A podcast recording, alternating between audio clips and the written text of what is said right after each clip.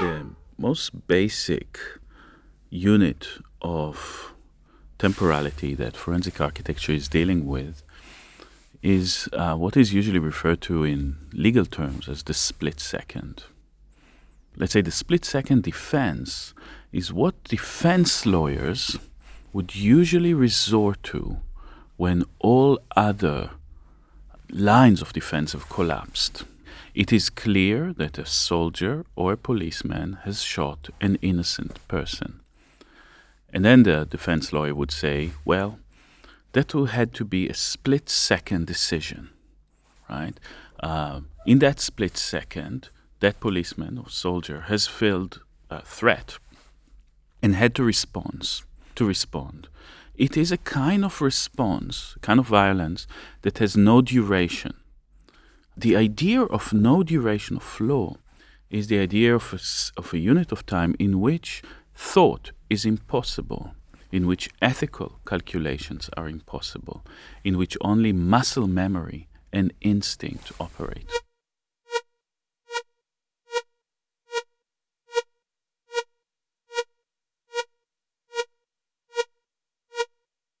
Forensic architecture is an emergent field of practice and an agency focusing on research into human rights abuses and environmental justice. Based at Goldsmiths, University of London, its interdisciplinary team produces reports for NGOs, human rights lawyers, and activist organizations. The agency presents cases in a variety of forums calling into question official narratives of aggression and conflict.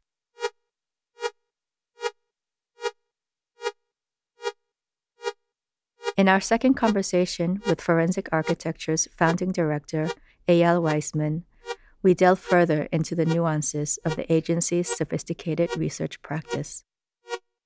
This time, the conversation revolves around the notions of time and duration from a forensic perspective as Weizman unpacks the multiple temporalities in a single instant.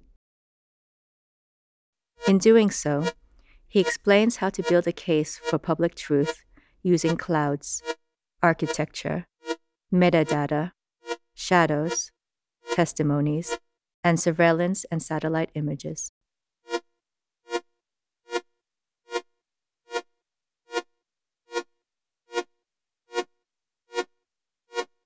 In light of forensic architecture's firm belief that context exists in a fraction of a second, we look at cases like the Rodney King trial and Israel's 2014 attack on Gaza.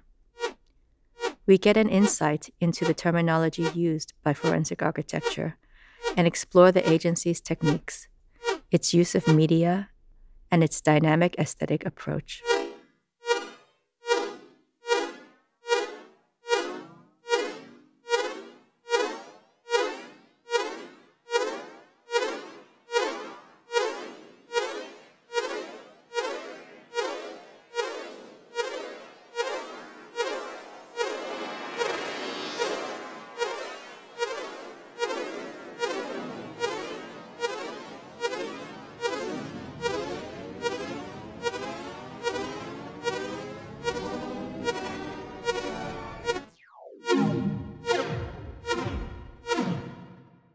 There's very famous, very famous cases of split-second defense. Perhaps the most famous of them is the Rodney King trial in the early 90s, uh, where black motorist Rodney King was severely bitten by LA police, and, and that was caught on video. And uh, the jury was actually shown by the defense still frames from it, in which Rodney King is seen trying to get up and rise up, and that was presented as a threat to the police. Now, my friend Thomas Keenan written uh, very in, in much detail about it. The way in which the kind of taking that split second out of its context, and I'm here I'm speaking about the small context of only the duration of the film, uh, would show that, uh, and, and the police argued, oh, you see, he's actually being threatening to the police. If you see it just simply running in, in, in real time, you see he's just rolling over trying to get up, uh, etc. I see it very often in the West Bank when the Israeli border police or military is caught killing Palestinians, uh, usually Palestinian teenagers, because they are always at the forefront of protest. And the Israeli police would say, well, we felt threatened uh, by them. They raised their hand to throw something. We didn't see it was a mobile phone. We thought it was a gun or a hand grenade or something like that.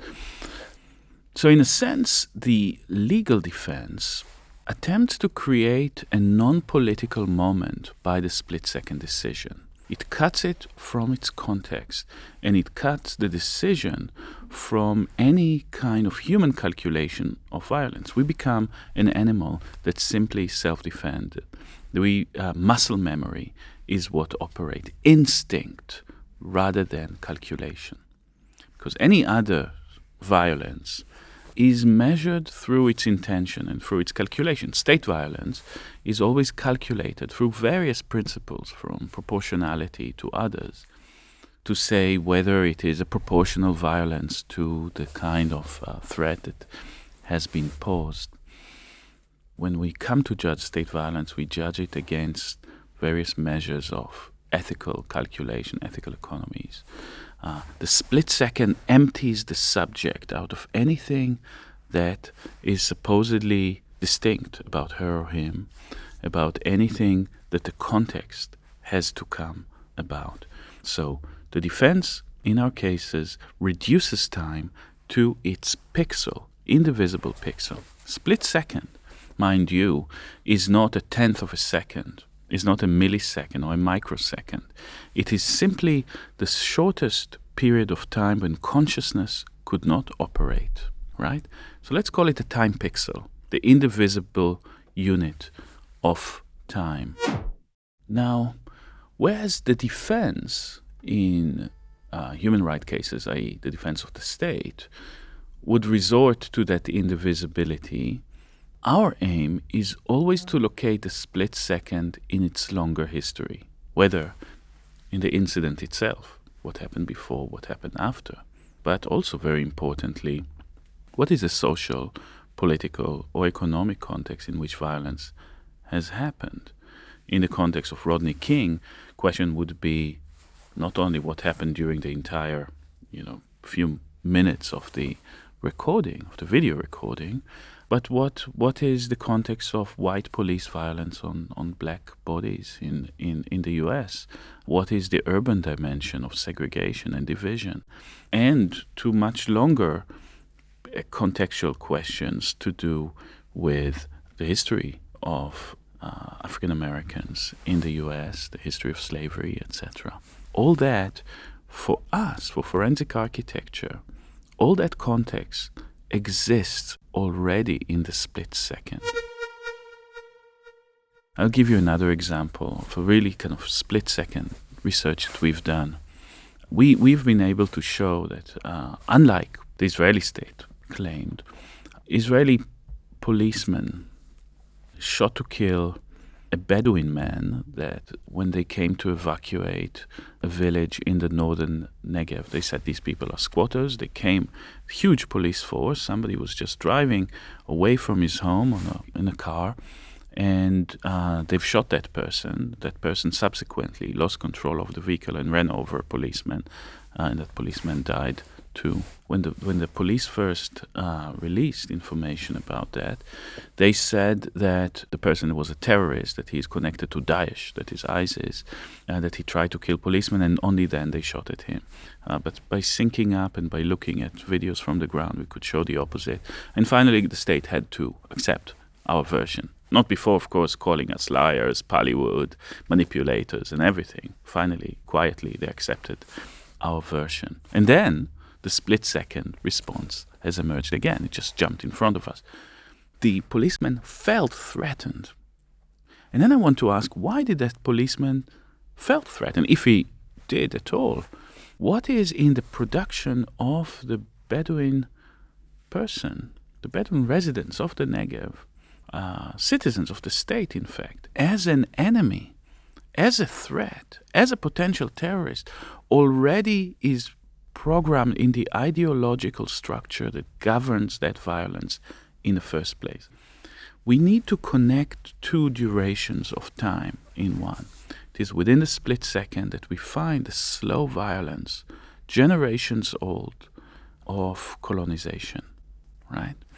So, whereas the state would reduce into the pixel, we'd put the pixel back in history and understand violence to be something that operates across multiple scales and duration, and that all of those are connected to each other. The slow violence of environmental transformation, of in the Negev, of uh, taking over Bedouin land, of removing them from there, of slowly transforming the entire environment, the entire ecosystem by planting other species, etc., transforming the weather, in fact, the climate in this region, is a kind of a slow violence that has manifestation in medium scale violence, perhaps, of particular durations of time where communities are being displaced or not, and then in a split second of a gunshot. Our ideas is to say we cannot separate those.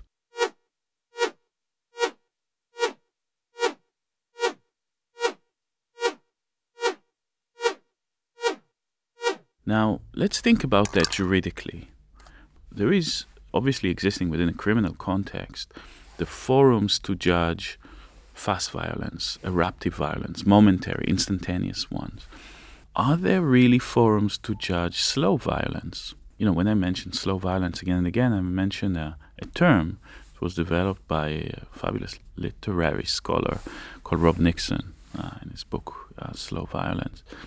There isn't really neither national or international forum that can adequately deal with the slow scale intoxication of territories, with their destruction, with environmental degradation, with processes that we cannot really understand as violence because they're too slow, because our perception of violence is something that is eruptive, something that is spectacular.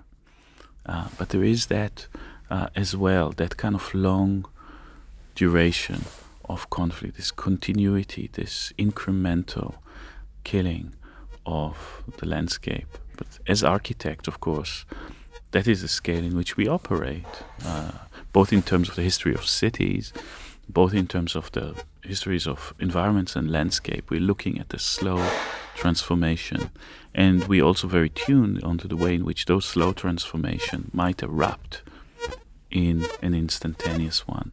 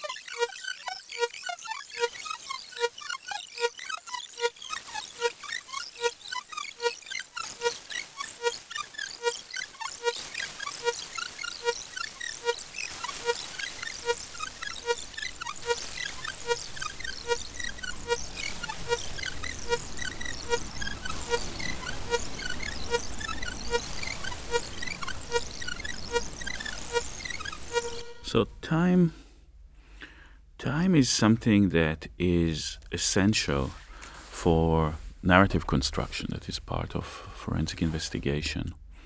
The first two questions that we must ask ourselves when we are confronted with images coming from social media sources, that is from YouTube, from Twitter, from Facebook, from other kind of uh, websites, is where and when that images was taken. The problem is that by the time things arrive in social media, the metadata on the image is removed.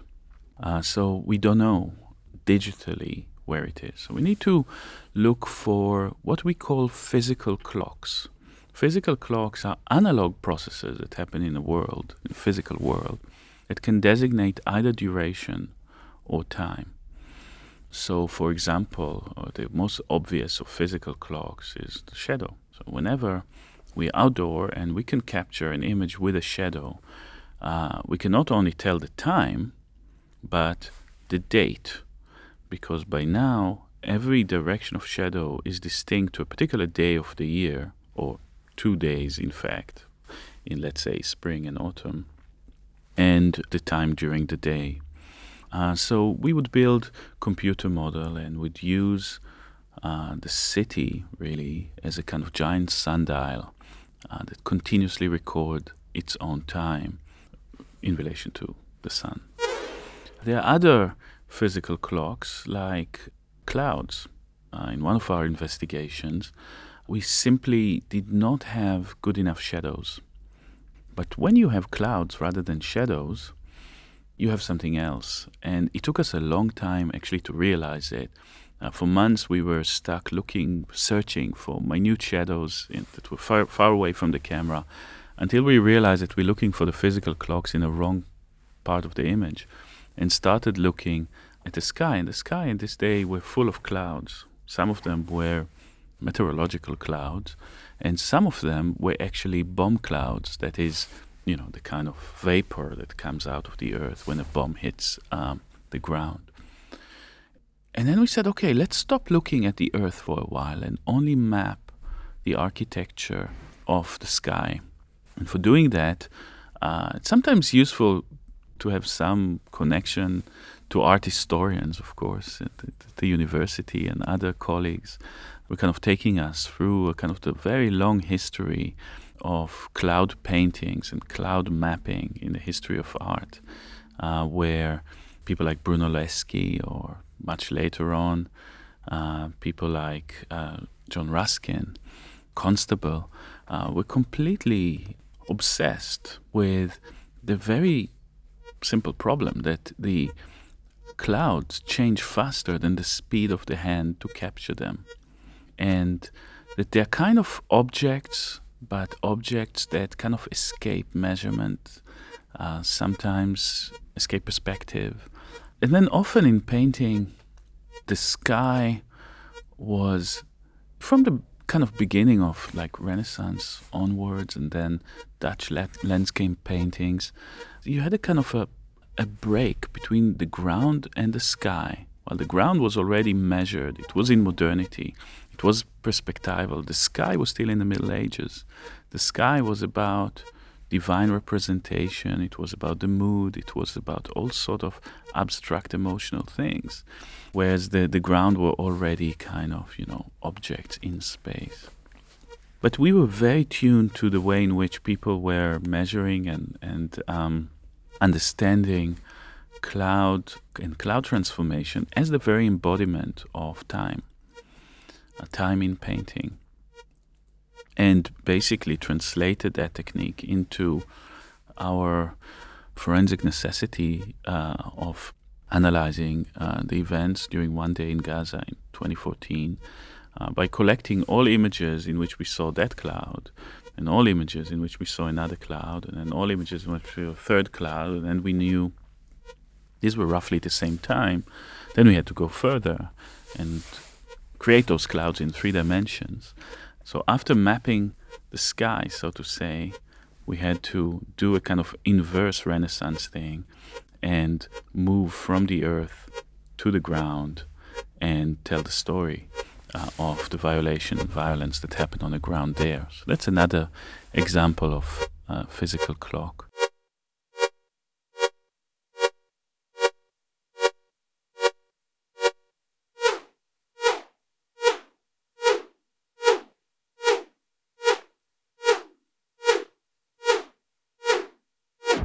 There's other aspects to time, and perhaps one of the most common tropes and tools of forensic investigation are uh, before and after photographs.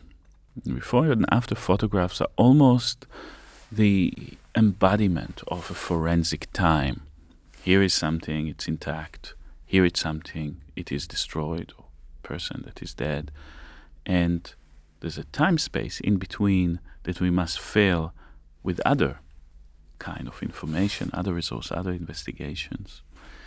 And we were also looking at the history of before and after images and realized that they were formed initially out of the inability of the daguerreotypes, that is, early 19th century, early cameras, uh, to capture the event, that is, the human body in movement. You remember this, um, uh, himself is the first photograph uh, that captured a person in the street. Um, is a photograph of Rue de Temple that is taken in 1838, in which uh, a very busy street has no people at all because everybody is simply moving and they the exposure time is about 10 minutes, and therefore no one has registered except of two people a person putting his boot and a bootleg that is shining that boot. Uh, so, because they were relatively static, they were registered, and everybody else was removed. But the problem of photographers was how to capture an incident that is newsworthy, something that is kind of like the early photojournalistic things when your exposure time is 10 minutes, even when it's two minutes or one minute, you are unable to do that. And then they have used, and, and really kind of one of the photographs that we analyze and display here at the exhibition is a pair photograph by uh, Thibault, uh, another daguerreotypist, and has put his camera out of the window, uh, taking two photographs of a barricade uh, in a street in Paris, one before the charge and one after the National Guard has broken through. And of course, what he wanted to tell the story is a story of the charge, of the barricade, uh, but he couldn't capture the, the incident. So he transferred the human event, that is, people struggling, soldiers shooting or moving forward, bodies against bodies pushing, into a story of architecture, I Look at the architecture before. Here, all the windows are closed and the barricades are intact. And after they're broken through and the windows are open and the street is messed up, so to say, the human event is transferred into the event of architecture. Now, what is interesting is that we are now 150, eighty years after that image, and we face the same problem because just like Thibault could not have captured the human body in movement, today a satellite cannot capture the human body because its resolution is too low, and it cannot capture duration because it is simply moving so fast. Uh, it takes only 90 minutes to make an entire orbit around the Earth, uh, so it misses both the body and the incident. So we're stuck with the same problem, and our answer is the same. The human event is turning into the event of architecture. We're looking at an airport, say the airport in Syria that was bombed right now before, and we're looking at after. Now we see the bunkers being busted, uh, etc., or any other thing, glaciers melting, uh, forests being burned, etc., etc. The thing is that the before and after create perhaps something that Sergei Eisenstein called dialectic montage, the kind of uh, montage of opposites, something good, something uh, in a in a kind of opposite uh, state, and the gap would always leave something to the imagination. We always need to inhabit that gap. Today, when we work with satellite image before images before and after, what fills the gap is obviously the social media from the ground. It captures the incidents and capture the event. Perhaps doesn't capture the architecture so well, but definitely kind of fills the gap in the before and after between the human event and the event of architecture.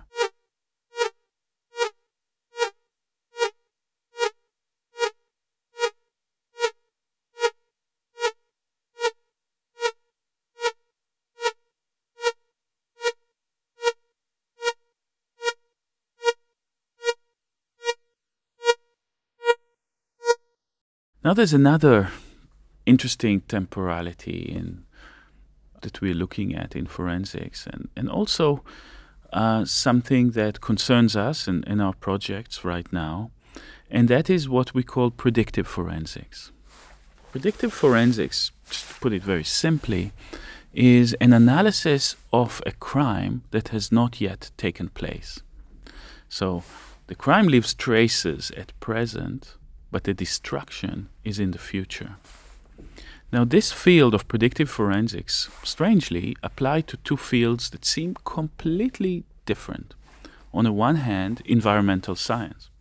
Well, you know, there's a lot of real climate change issues that we are already tolerating, but the destruction of the earth and life within it has, forgive me, not yet happened. But the traces of it, the evidence for it, is already now, the material evidence. Another field that is very interested in predictive forensics is that of counterterrorism measures as applied by states and secret services and intelligence agencies. This is something that is based on what is called pattern analysis. So uh, you'd analyze patterns of life and patterns of activities on the ground, say in Pakistan, in the Waziristan area, you would see somebody going visiting a series of mosques, going to, you know, driving along a particular road, making phone calls to those three suspicious numbers, and maybe if they're somewhere else, not in that context, uh, buying flights to particular places or using credit card to do this and that. All those are indicators of a potential for the for the intelligence services of a potential crime or terrorist attack to happen in the future. And sometimes they act on it, much like you know, like Minority Report uh, uh, was kind of dramatizing that situation. They are uh, acting at present to stop it. Sometimes those people are being killed simply because they left signature that might indicate something to happen in the future. Also, now the Israeli military started employing pattern of activities and arrest a lot of Palestinians if they visit certain websites and make certain calls and use the credit card in a particular way. And they, they're being arrested without trial and without any right and detained for long periods uh, for that reason. So it's a very, in, in both cases, it's a kind of a very disturbing, it's put into very disturbing use. And in particular, the history of predictive forensics is interesting and very disturbing because at the core of pattern of life behavior is the racist conceptions of phrenology. So you know what phrenology is. Phrenology is the sort of pseudoscience of the 19th century in which the shape of one's skull was supposed to indicate potential for being a thief, being a murderer, being a rapist, being a swindler, or anything uh, like that. It already the future already exists in the material form of bone, right? So those phrenologists were like looking at the skull like as if it was a crystal ball, touching its variation and predicting the future. And when you predict the future, of course, and when you're a government, you act now in order to do that. Also, when we're speaking about genocides that is based on racial conceptions, it is when the Germans were shooting Jewish kids into mass graves in Eastern Europe, their argument to themselves was these people would do something like that to us, or these people are a risk to us. I mean, that is, those people, if not killed, will do something bad in the future. Their killing is nothing to do with anything that they have done in the past. It's predictive. It is to do with the tendency.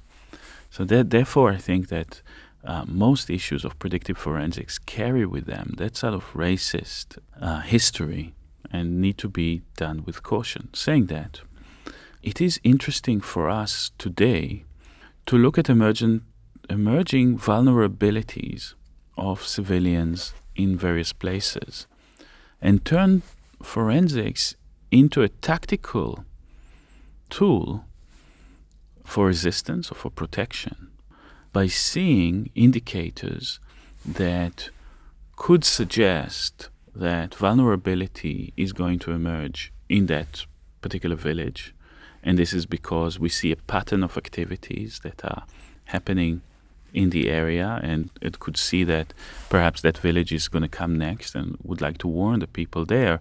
Of course, not to take any preemptive action, but to, to defend themselves and perhaps to make the decisions that are best for them and their families. Today we can do it because we have the very problem of human rights have been radically transformed. Traditional problem of human rights was getting information where there is none, getting the rare voice of a victim, of a dissident, of a survivor, and bringing it to public attention. Today, we have thousands upon thousands of sources in places. There, there's more information that we can handle. And handling and archiving and synthesizing and cross referencing that information is a work that is also beyond what uh, human mind can do manually, right? And we have. Uh, we, we in forensic architecture developed also a software called Pattrn that is looking at patterns of violations in space and time uh, precisely so that we could look at patterns of radicalization, of movement, of how state violence is moving along particular routes or along particular types of villages or places or neighborhoods or intercepting migrants in the Mediterranean in this and this pattern and being able to advise, of course, in a very qualified way. We, we never claim that we see the future, but we see indica- indications of vulnerability, and that's our responsibility to report them.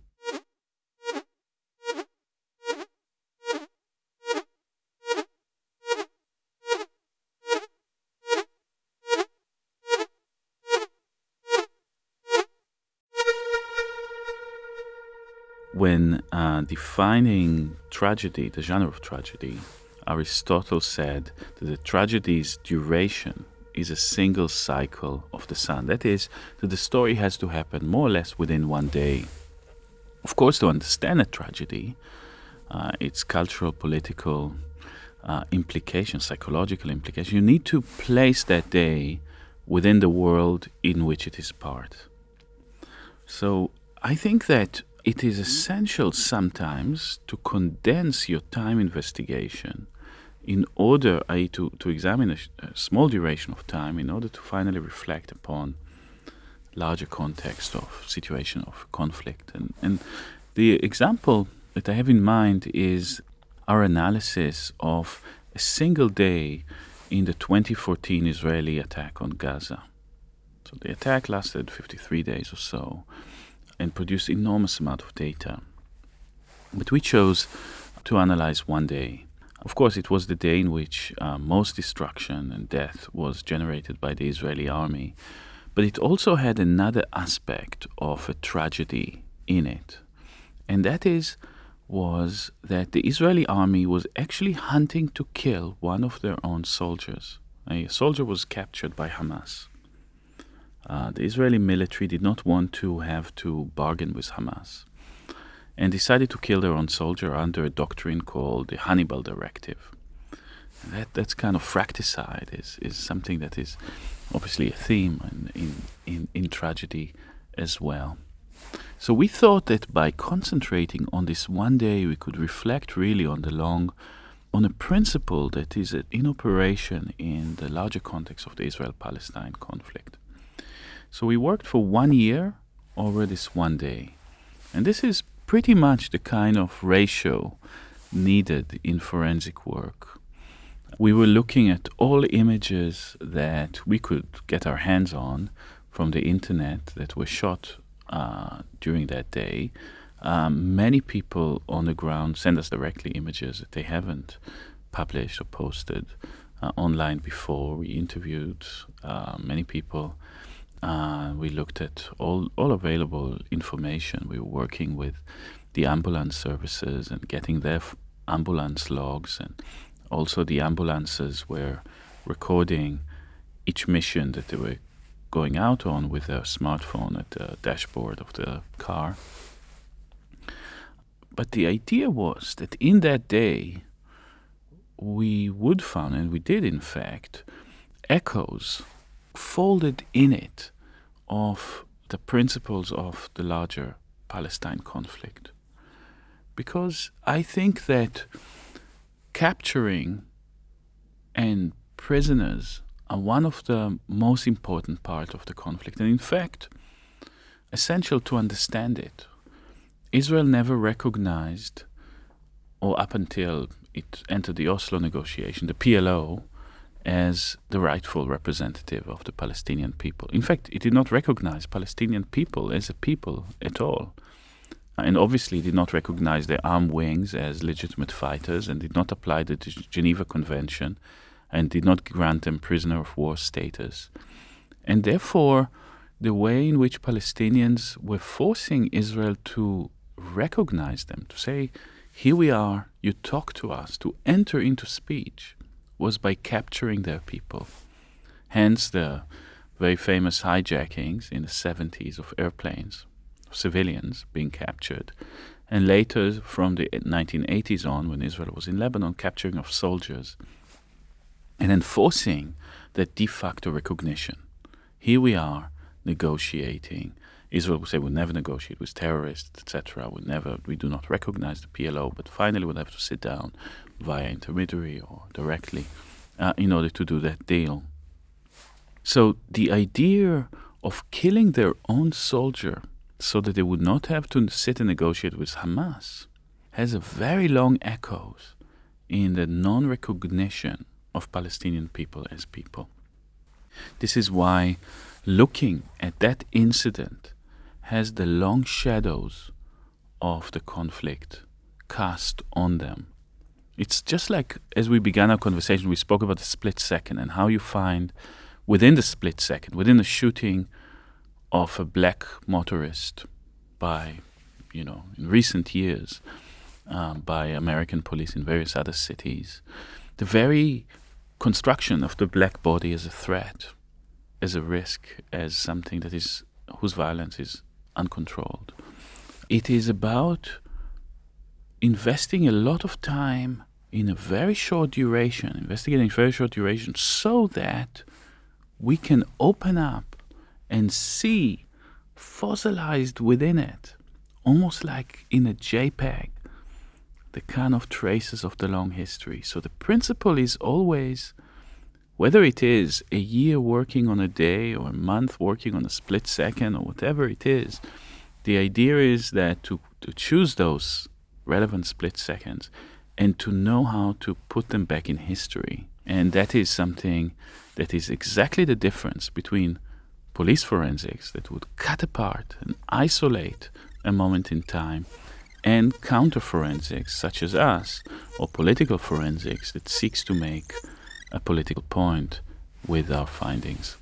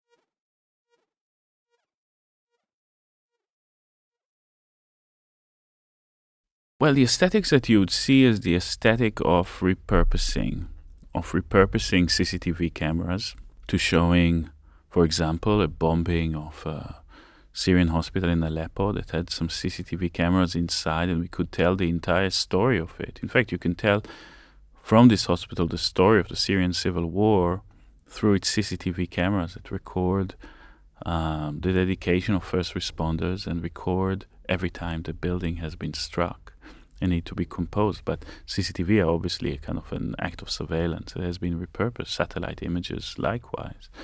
State spying technology uh, that is used in order to uncover the very crime of the people that have taken those images. Image is a kind of unstable thing. Nobody controls it they're not one thing. Even if they've been taken by the military, if they've been taken by the state, they have an access and a reading that civil reading that could be undertaken of them, that could liberate them from the purpose, from the original purpose.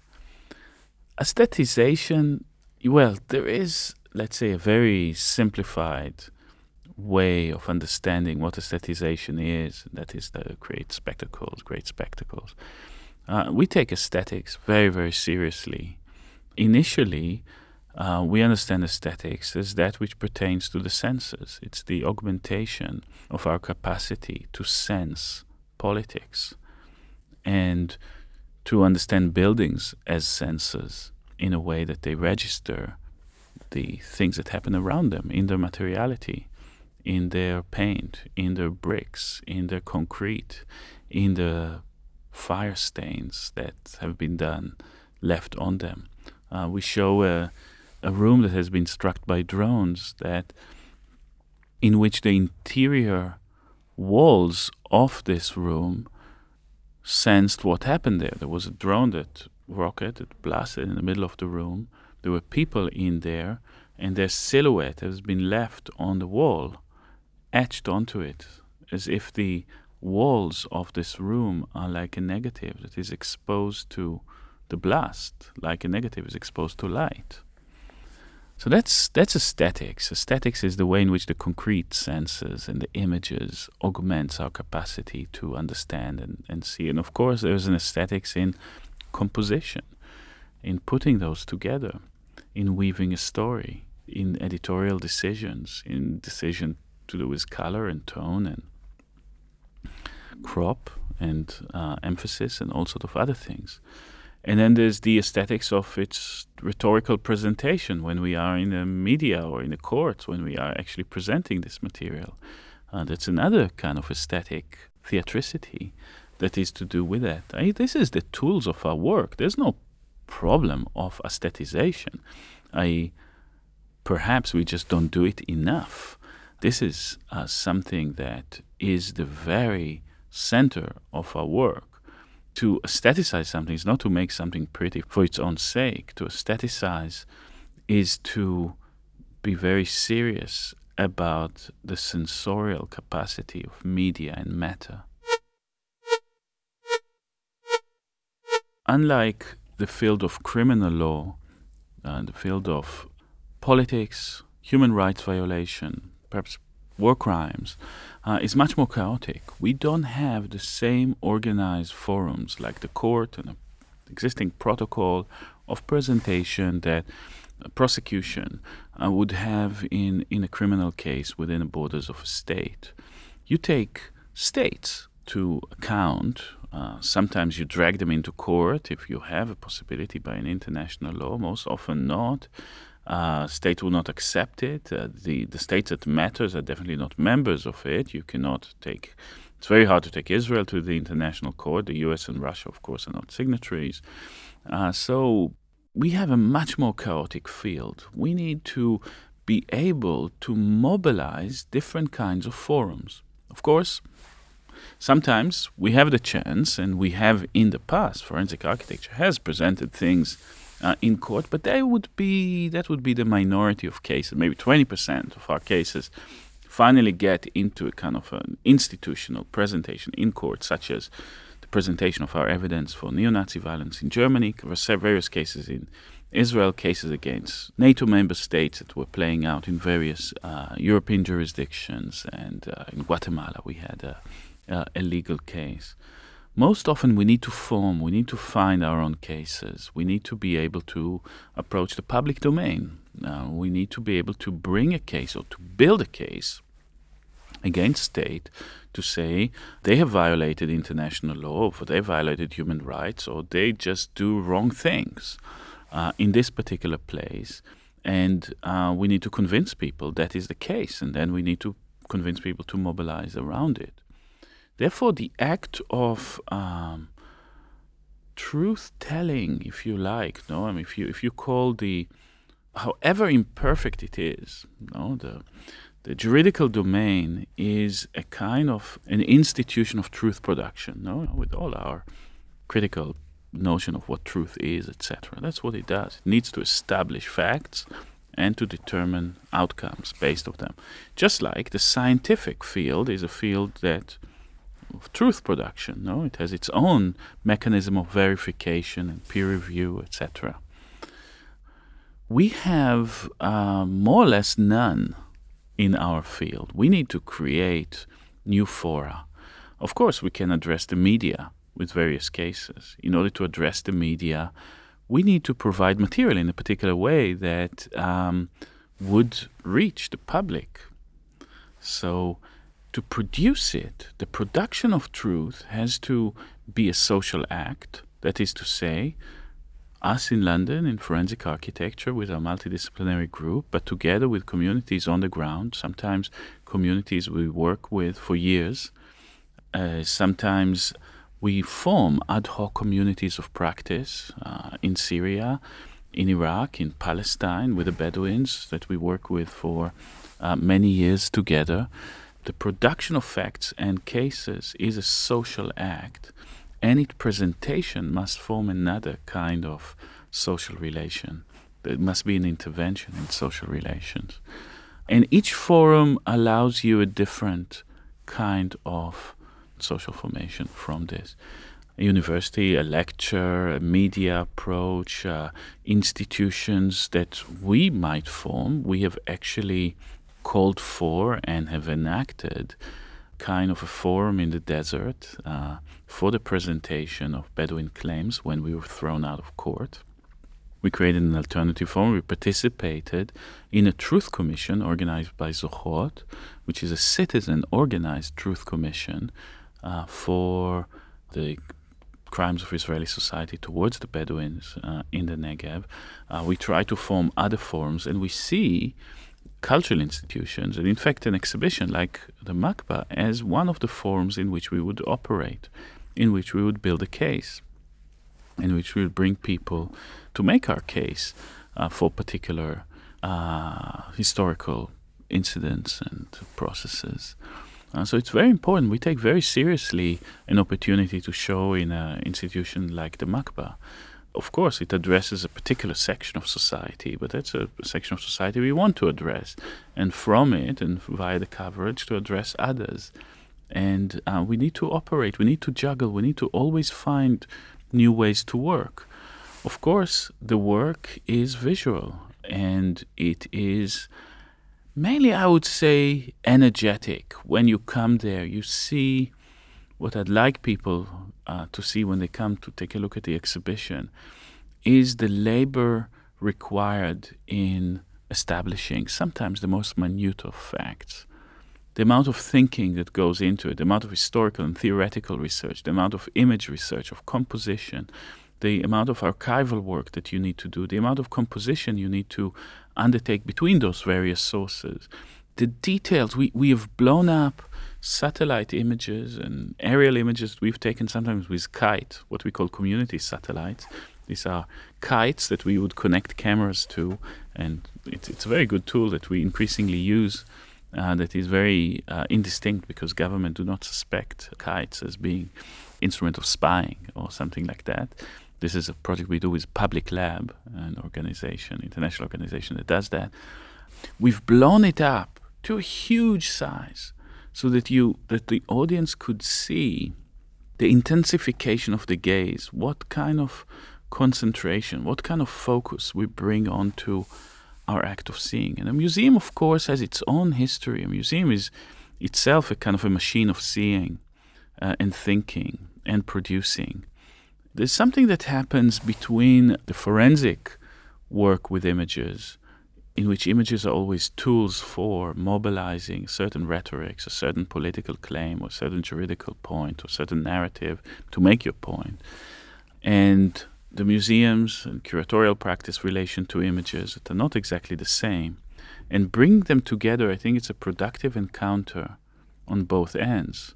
We benefit from working with artists and bringing their sensibility to image and sound and video and edit and narrative construction.